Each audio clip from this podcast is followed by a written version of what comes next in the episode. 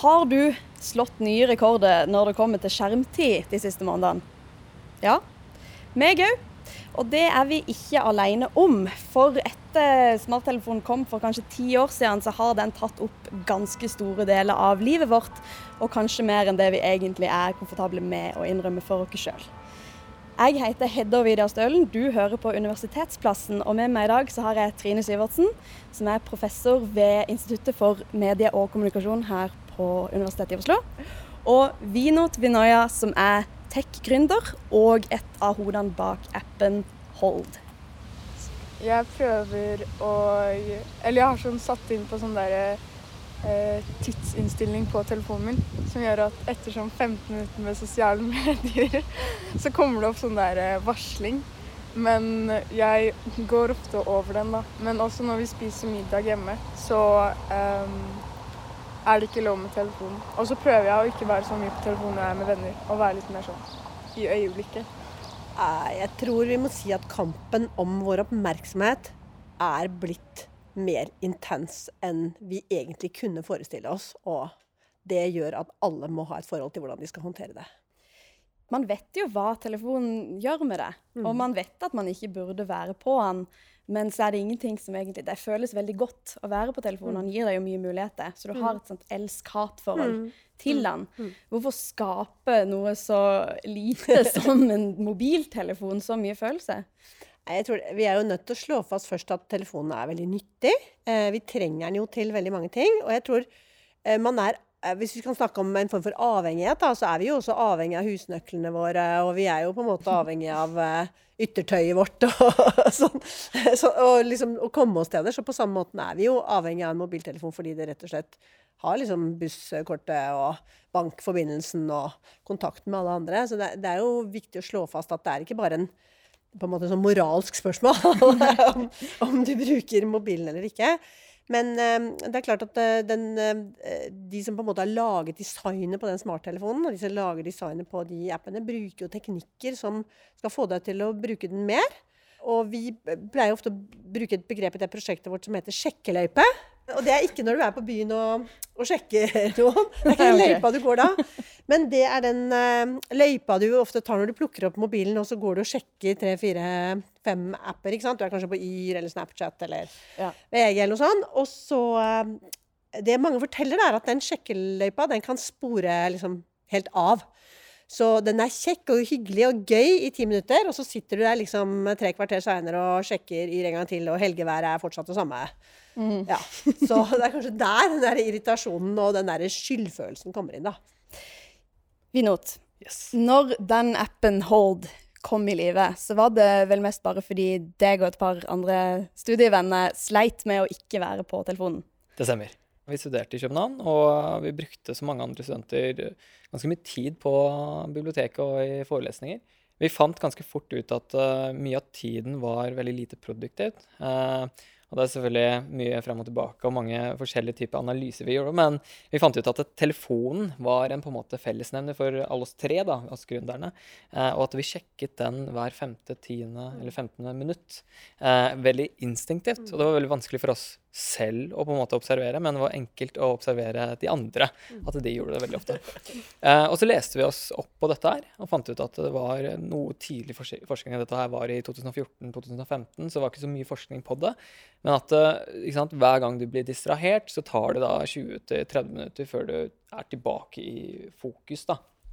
Eh, og og, og, det gjorde inntrykk. Da, da syntes vi OK, hm, hvorfor klarer vi ikke å bare legge fra oss telefonen nå? Kan vi kanskje begynne å konkurrere. fordi selv om vi visste selv at uh, det å bruke telefonen ville ha en innvirkning på karakterene våre, um, så hadde vi ikke disiplin nok uh, til å la være å sjekke den. Så vi måtte konkurrere. Um, og, og, det sier litt om hvor på en måte sterkt det draget mot telefonen er, da. Um, og, og, og, sånn startet egentlig Hold, hvor vi konkurrerte mot hverandre. Om å ikke ta på telefonen. Eh, og vinneren fikk da kaffe eller lunsj eh, sponset av de to andre. da. Så vi var oss, ofte oss tre som satt og jobbet i gruppe. Så uh, fant ut at det var et problem. Første løsning av Hold var at uh, vi konkurrerte mot hverandre. Uh, og siden vi var studenter, så hadde vi tilgang til mange andre studenter også, og testa dette konseptet. og det ga positive resultater. Folk følte seg mer produktive, og det er ganske viktig. Og, og, og, det var på en måte starten for Hold. Etter hvert så fikk vi også med merkevarer med på laget. Eh, og, og, testet det ut på universiteter her i, her i Norge. Eh, før vi lanserte i, i 2016. da. Og, da var, og, konseptet er veldig enkelt. Du legger fra deg telefonen, setter på, eller, setter på hold, legger fra deg telefonen, og så får du poeng for tiden du ikke er på telefonen. Og de poengene kan du da veksle inn på markedsplassen hvor du har premier, eh, og kan egentlig konkurrere med dine venner. Jeg bruker Do Not Disturb-funksjon på iPhone. Den funker veldig bra. Og så skrur jeg av notifikasjoner og badges på apps. Da, da rører jeg nesten ikke telefonen når det før jeg må, og før jeg vil.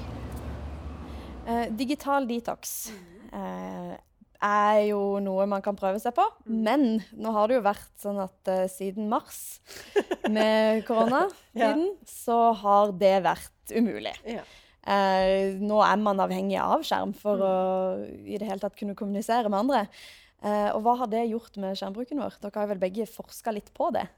Ja, altså den eh, mediebruken har jo økt veldig, veldig radikalt. Skjermbruken har økt, og Netflix har økt, og spill har økt. Det er vel litt mindre musikkstrømming, tror jeg, for folk går ikke så mye fram og tilbake til jobben og hører på musikk. Men, men, ellers så er det medieøkning for alle pengene. Nyhetsoppdateringene uh, har jo økt. Mm. Eh, og um, vi har gjort en, en undersøkelse, koronaundersøkelse, vi også på mitt prosjekt, hvor folk kunne bare skrive den første måneden hvordan de opplevde det. Og da beskriver folk f.eks. den tre skjermer på én gang.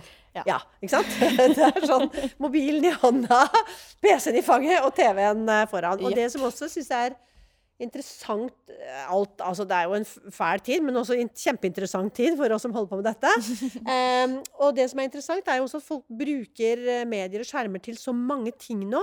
Ikke sant? Også f.eks. å lage seg et sosialt rom, da, for å bruke mer bakgrunnsstøy. Ikke sant? Du har liksom TV-en på i bakgrunnen i tillegg til at du er på mobilen og på skjermen, liksom. For det, ja, det er, det er liksom så du får både den gamle, klassiske bruken, kanskje. Folk samler seg foran TV og ser på konge på 17. mai. Og, og, familien er hjemme, og studentene har reist hjem til foreldrene sine. ikke sant? Og sitter plutselig og ser TV sammen med eh, familien, som de gjorde kanskje for ti år siden.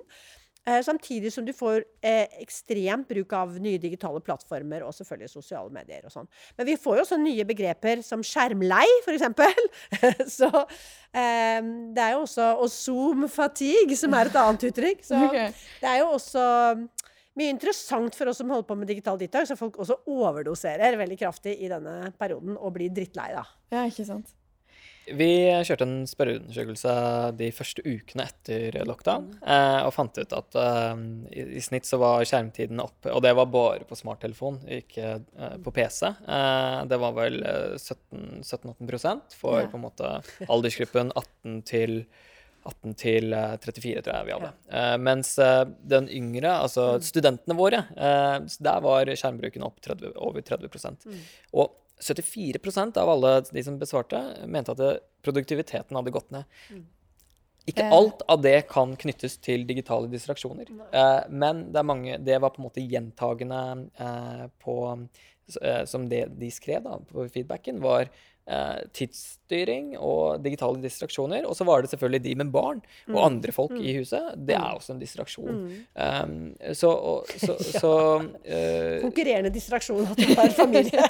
vi fikk forespørsel om vi kunne, om vi kunne lage hold for uh, kiden. Ja. Og ikke, ikke, en hold på telefonen til kiden, Nei. men altså en hold som, hvor du setter ja. barnet på hold. Ja. Um, den, for en uh, kopp kaffe. Jeg har alltid drømt om fjernkontroll hvor du bare zapper ut familie. ja, så. Så så, så, så det, det, har jo en effekt på produktivitet. Og, og, det vi ser også når man Litt med det at det, blir ikke noe skille mellom jobb og hjem, eller skole og hjem. Eh, og det blir veldig fort gjort at man sitter og jobber, eh, ikke jobber, jobber, ikke jobber hele mm. dagen. Hvor det blir veldig dårlig resultat på mm. begge fronter, eller alle tre fronter, hvis du bor med familien også.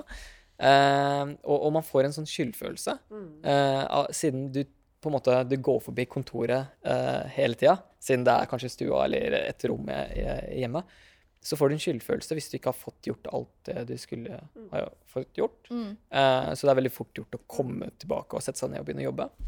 Eh, og så er det den, det problemet med den sjekkerunden, da. Når du sitter på PC. Nå bruker vi PC mye, enda mye mer.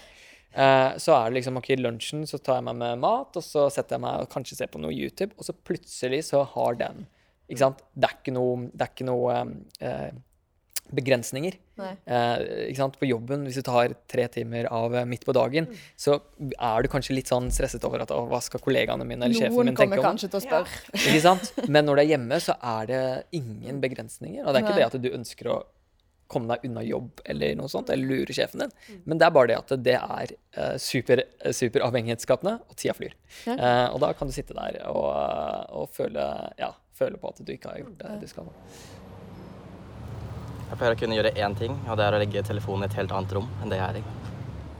Du var jo inne på det, men det er jo ganske mange triks som denne bransjen som vi snakker om. Og for det første, hva legger dere i ordet bransje?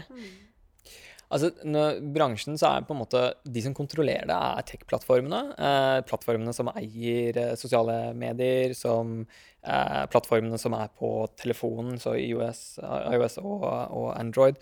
Eh, og det er de som styrer eh, så å si mesteparten av showet her.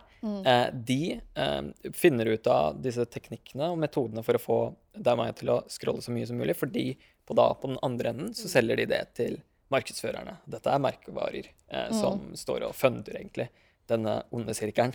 Og de teknikkene de bruker, er jo naturlige behov som mennesker har. Eh, sånn helt instinktivt. Eh, det, vet, det har de full oversikt over.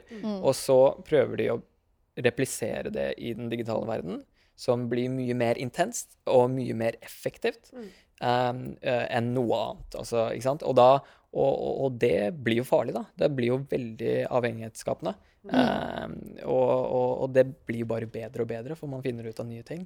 Eh, og det var en ganske interessant um, Jeg blir litt redd her. interessant foreles, eller um, en presentasjon av eh, gutta fra uh, Humane Tech, som er noen fra Mozilla Firefox og fra Google, som har vært ganske høyt oppe der. Som har på en måte etablert et sånt um, Som angrer på det de gjorde. Yes! Ja. Det er, he det er helt riktig. Ja. Og, og, og de har på en måte hatt presentasjoner om hvor mye disse plattformene vet om oss, og hvor mye de kan um, endre atferden vår, men også meninger. Altså. Og så kommer alt dette med politikken opp her, og, og, og hvordan på en måte merkevarer egentlig kan få hvem som helst til å kjøpe hva som helst i dag. Det har aldri vært mulig tidligere. Fordi de veit faktisk De vet såpass mye. Så kommer det til et stadie hvor disse plattformene veit mye mer om deg, om deg enn det du veit om deg selv. Eh, og mange har sikkert opplevd dette her, hvor, hvor du har kanskje snakket om en ting med en venn offline, og så eh, noen dager senere så ser du eh, det havne på søkeresultater eller på Facebook ads. Og så tenker man oi, de har, det er avlytting. Og jeg er 100% overbevist om det. Og det er ikke det. Det er bare det at de med deres algoritme og har skjønt at det, du kommer til å være interessert i bleier om, eh, 14 dager. om 14 dager. Eh, da får du Ja vel. Men hvordan da? Nei, det er jo all Det er jo alt vi informasjon. deler. Ja. Ja, OK. Men eh, det høres jo ut som det kan være ganske lukrativt å ha fått tak i all den informasjonen om meg og vite at nå er det på tide å markedsføre bleie til Hedda, for det er hun interessert i nå. Eh, og oppmerksomhetsøkonomi er et eh, begrep jeg har hørt blitt slengt litt rundt. Yes. Uh, og kan, kan noen forklare meg hva det betyr? Det, er, det er jo egentlig det vi har snakket om nå, at det er oppmerksomheten din som er varen. Ikke sant? Altså fordi eh, plattformene tar jo oppmerksomheten eh, Både tiden vi bruker, arbeidet vi legger inn, informasjonen vi deler, og gjerne engasjementet. ikke sant? Desto mer engasjement, en kommentar er bedre enn en like, f.eks. Da forteller vi mer. Det er varen i dagens på en måte største økonomiske kretsløp, så er jo oppmerksomheten vår.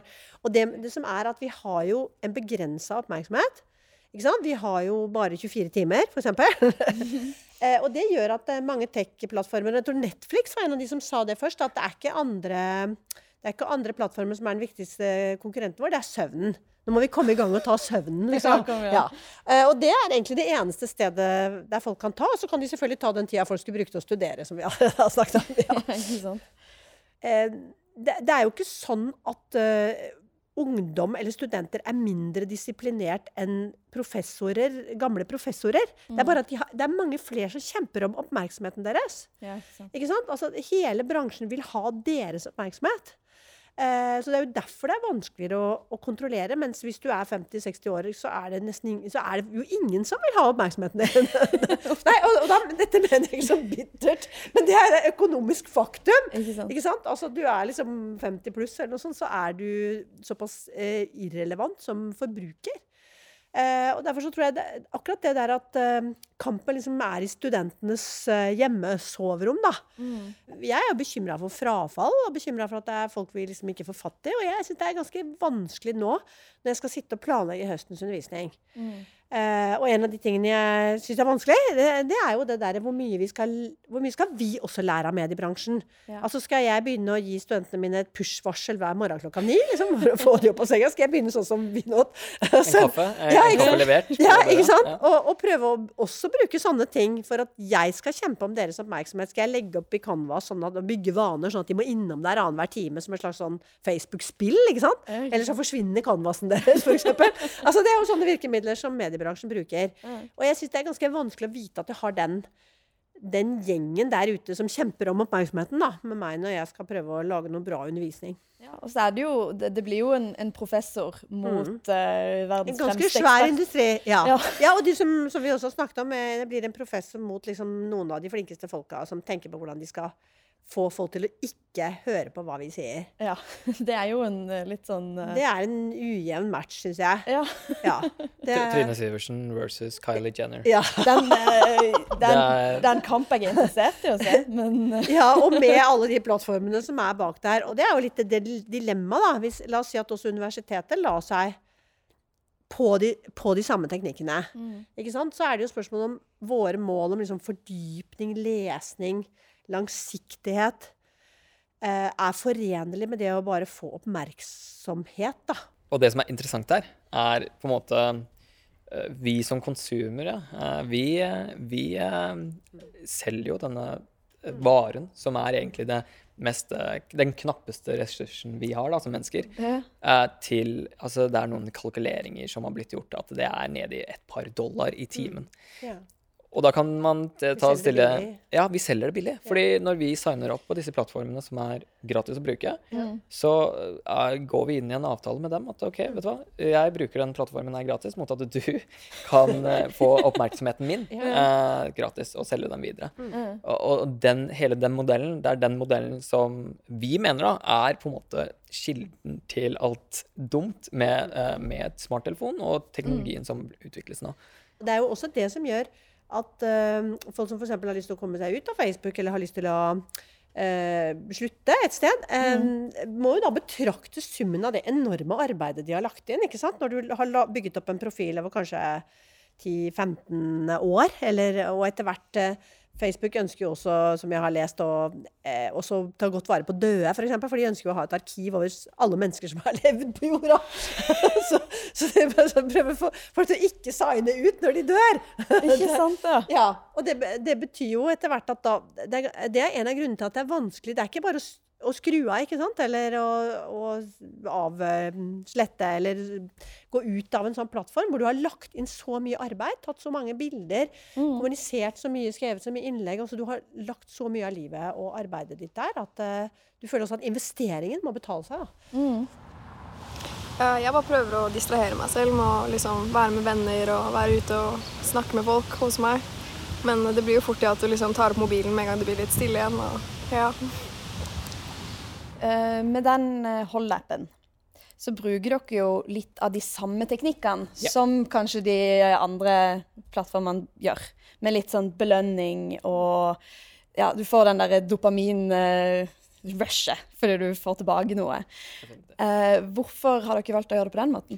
Så, og det var egentlig basert på vår egen erfaring. Hva var det som fikk oss til å konkurrere? Hva var det insentivet som satte i gang den endringen? Og det tror vi egentlig betyr ned på at uh, vi som millennials uh, uh, Vi fikk tekken ganske tidlig. og, og den, det dopaminrushet ble på en måte det som vi krevde. da. Altså, det ble veldig dagligdags, og det mm. krever vi fra alt det vi gjør, egentlig. Mm. og, og da var det egentlig disse kommersielle premiene som var de triggerne som ga den umiddelbare rushen. Ikke bare det å vinne over kanskje eh, eh sant, eh, studievennene dine, mm. men, men, å få den kaffen eller få, få den lunsjen. Um, og, og, det var sånn Hold startet. Og vi, vi har jo egentlig eh, på en måte fintuna den modellen eh, for, at, uh, for at man skal klare å motivere folk til å begynne å endre atferden. Mm. Hvor sluttmålet er ikke at du konsumerer mer, men mm. mindre. Mm. Um, og da bør Og det er på en måte vår eh, på en måte, approach, er at uh, med positiv forsterkning så endrer man uh, atferd. Uh, som kan være lang, langvarig.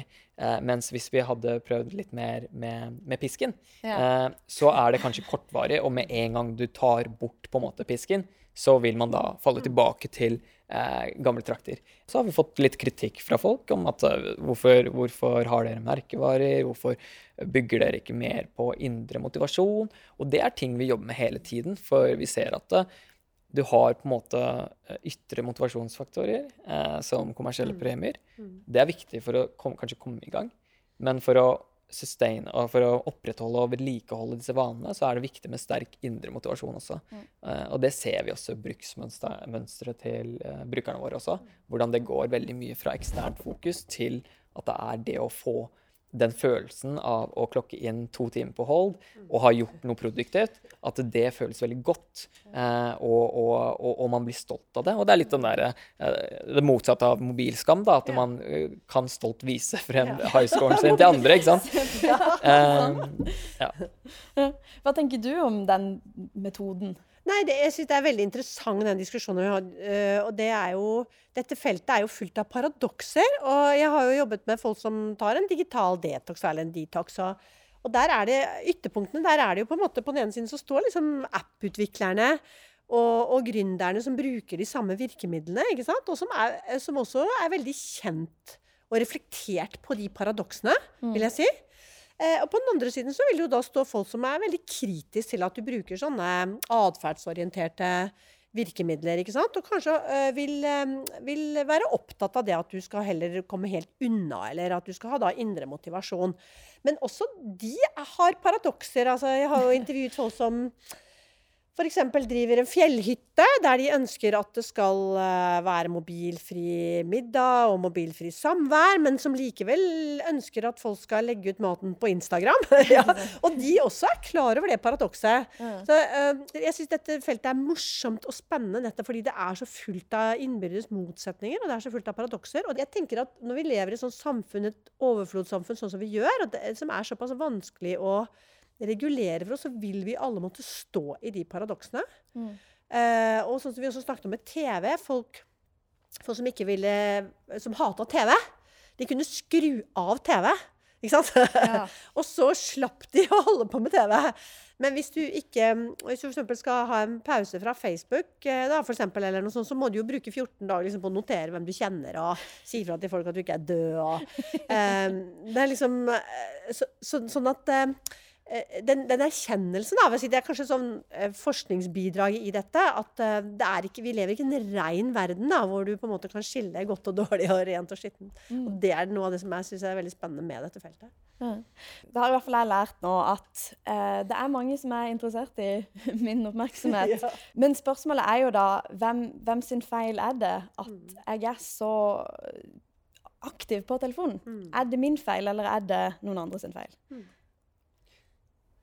Det er et uh, veldig vanskelig spørsmål. Uh, det, er ikke, det, er ikke, det, er ikke, én enkel aktør uh, som på en måte gjør noe feil her. jeg tror det er en tilvenningsfase og hvor alle må ta litt ansvar. Mm. Jeg tror disse plattformeierne må ta ansvar på hvordan de designer forretningsmodeller, og hvordan de tar vare på brukerne sine og tenker mm. Altså etisk forretningsmodell. Altså Vi snakker mye om etikk og liksom skal ta vare på planeten og alt det. men forretningsmodellen kan også designes etisk. Eh, og, og det tror jeg eh, blir mer og mer relevant. Um, og så er det selvfølgelig uh, ikke sant? Det har vært uh, eksperimenter uh, på nasjonale nivå også, hvor myndigheter har gått inn. Sånn som i Frankrike så har du myndigheter som har i, fra første til niende klasse banna eller telefon da, mm. på skolen. og det har kommet noen positive signaler derfra. At det er liksom det, det, det, blir bedre karakterer og kanskje litt mindre online mobbing.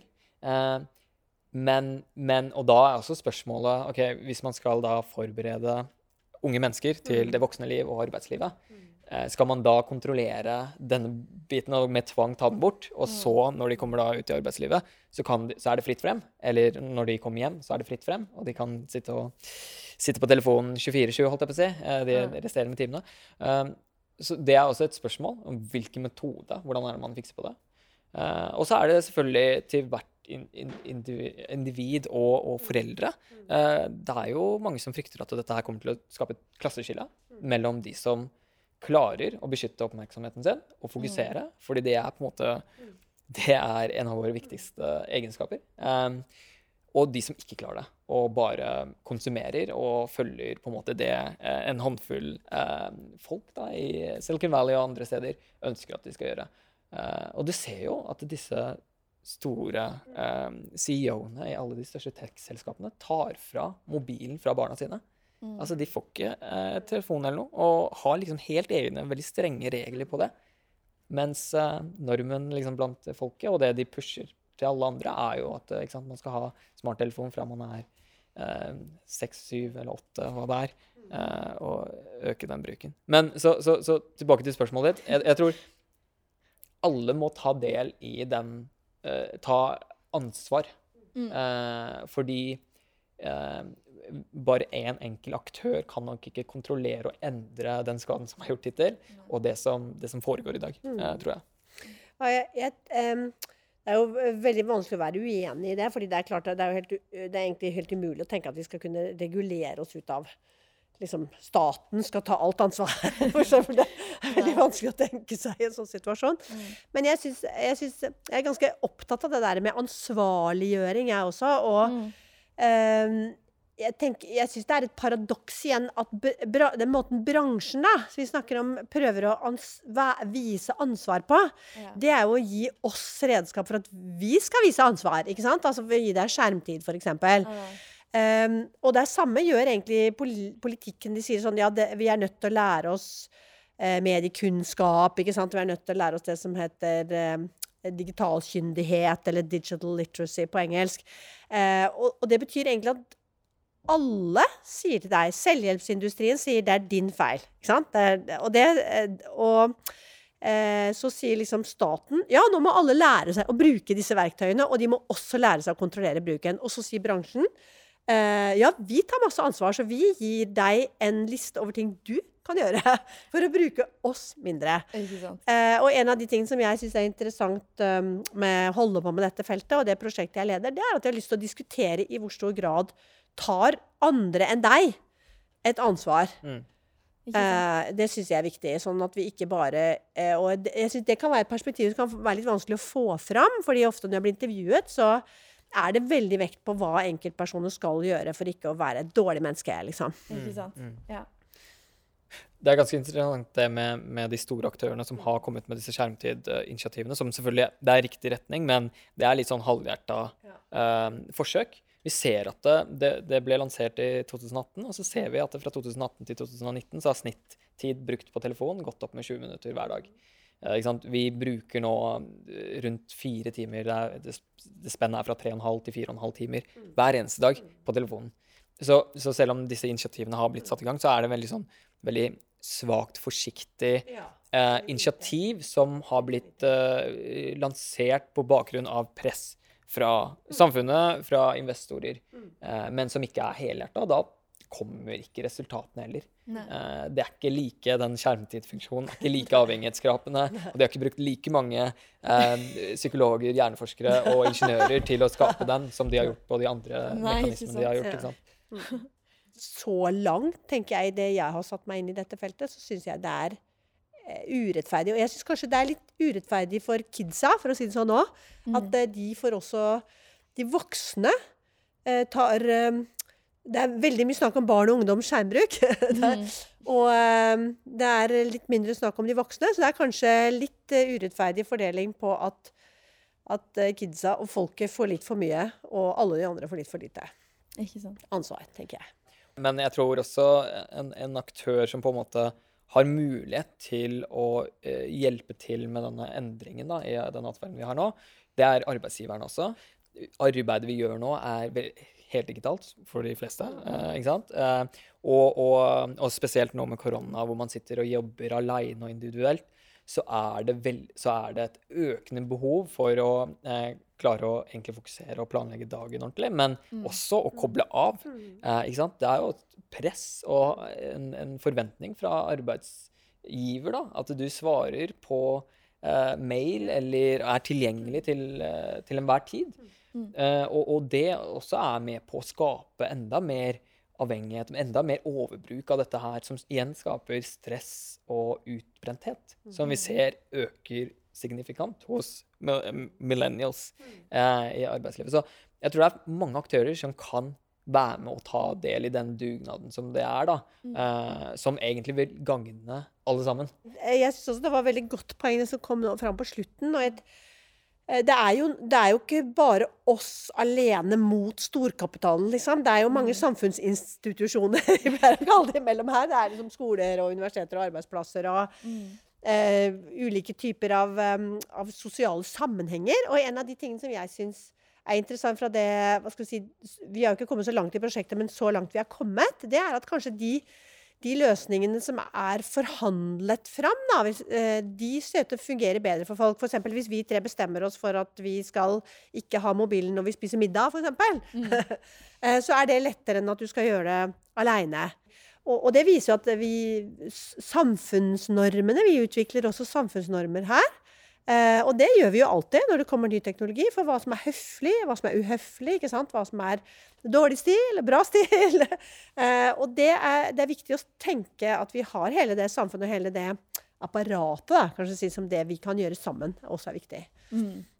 Vi er ikke bare helt alene i Nei, det er ikke bare meg mot som du sa, takk, det er meg mot liksom eh, Instagram-dronningene og storkapitalen. Det er det ikke. Det er litt fint å vite. Ja.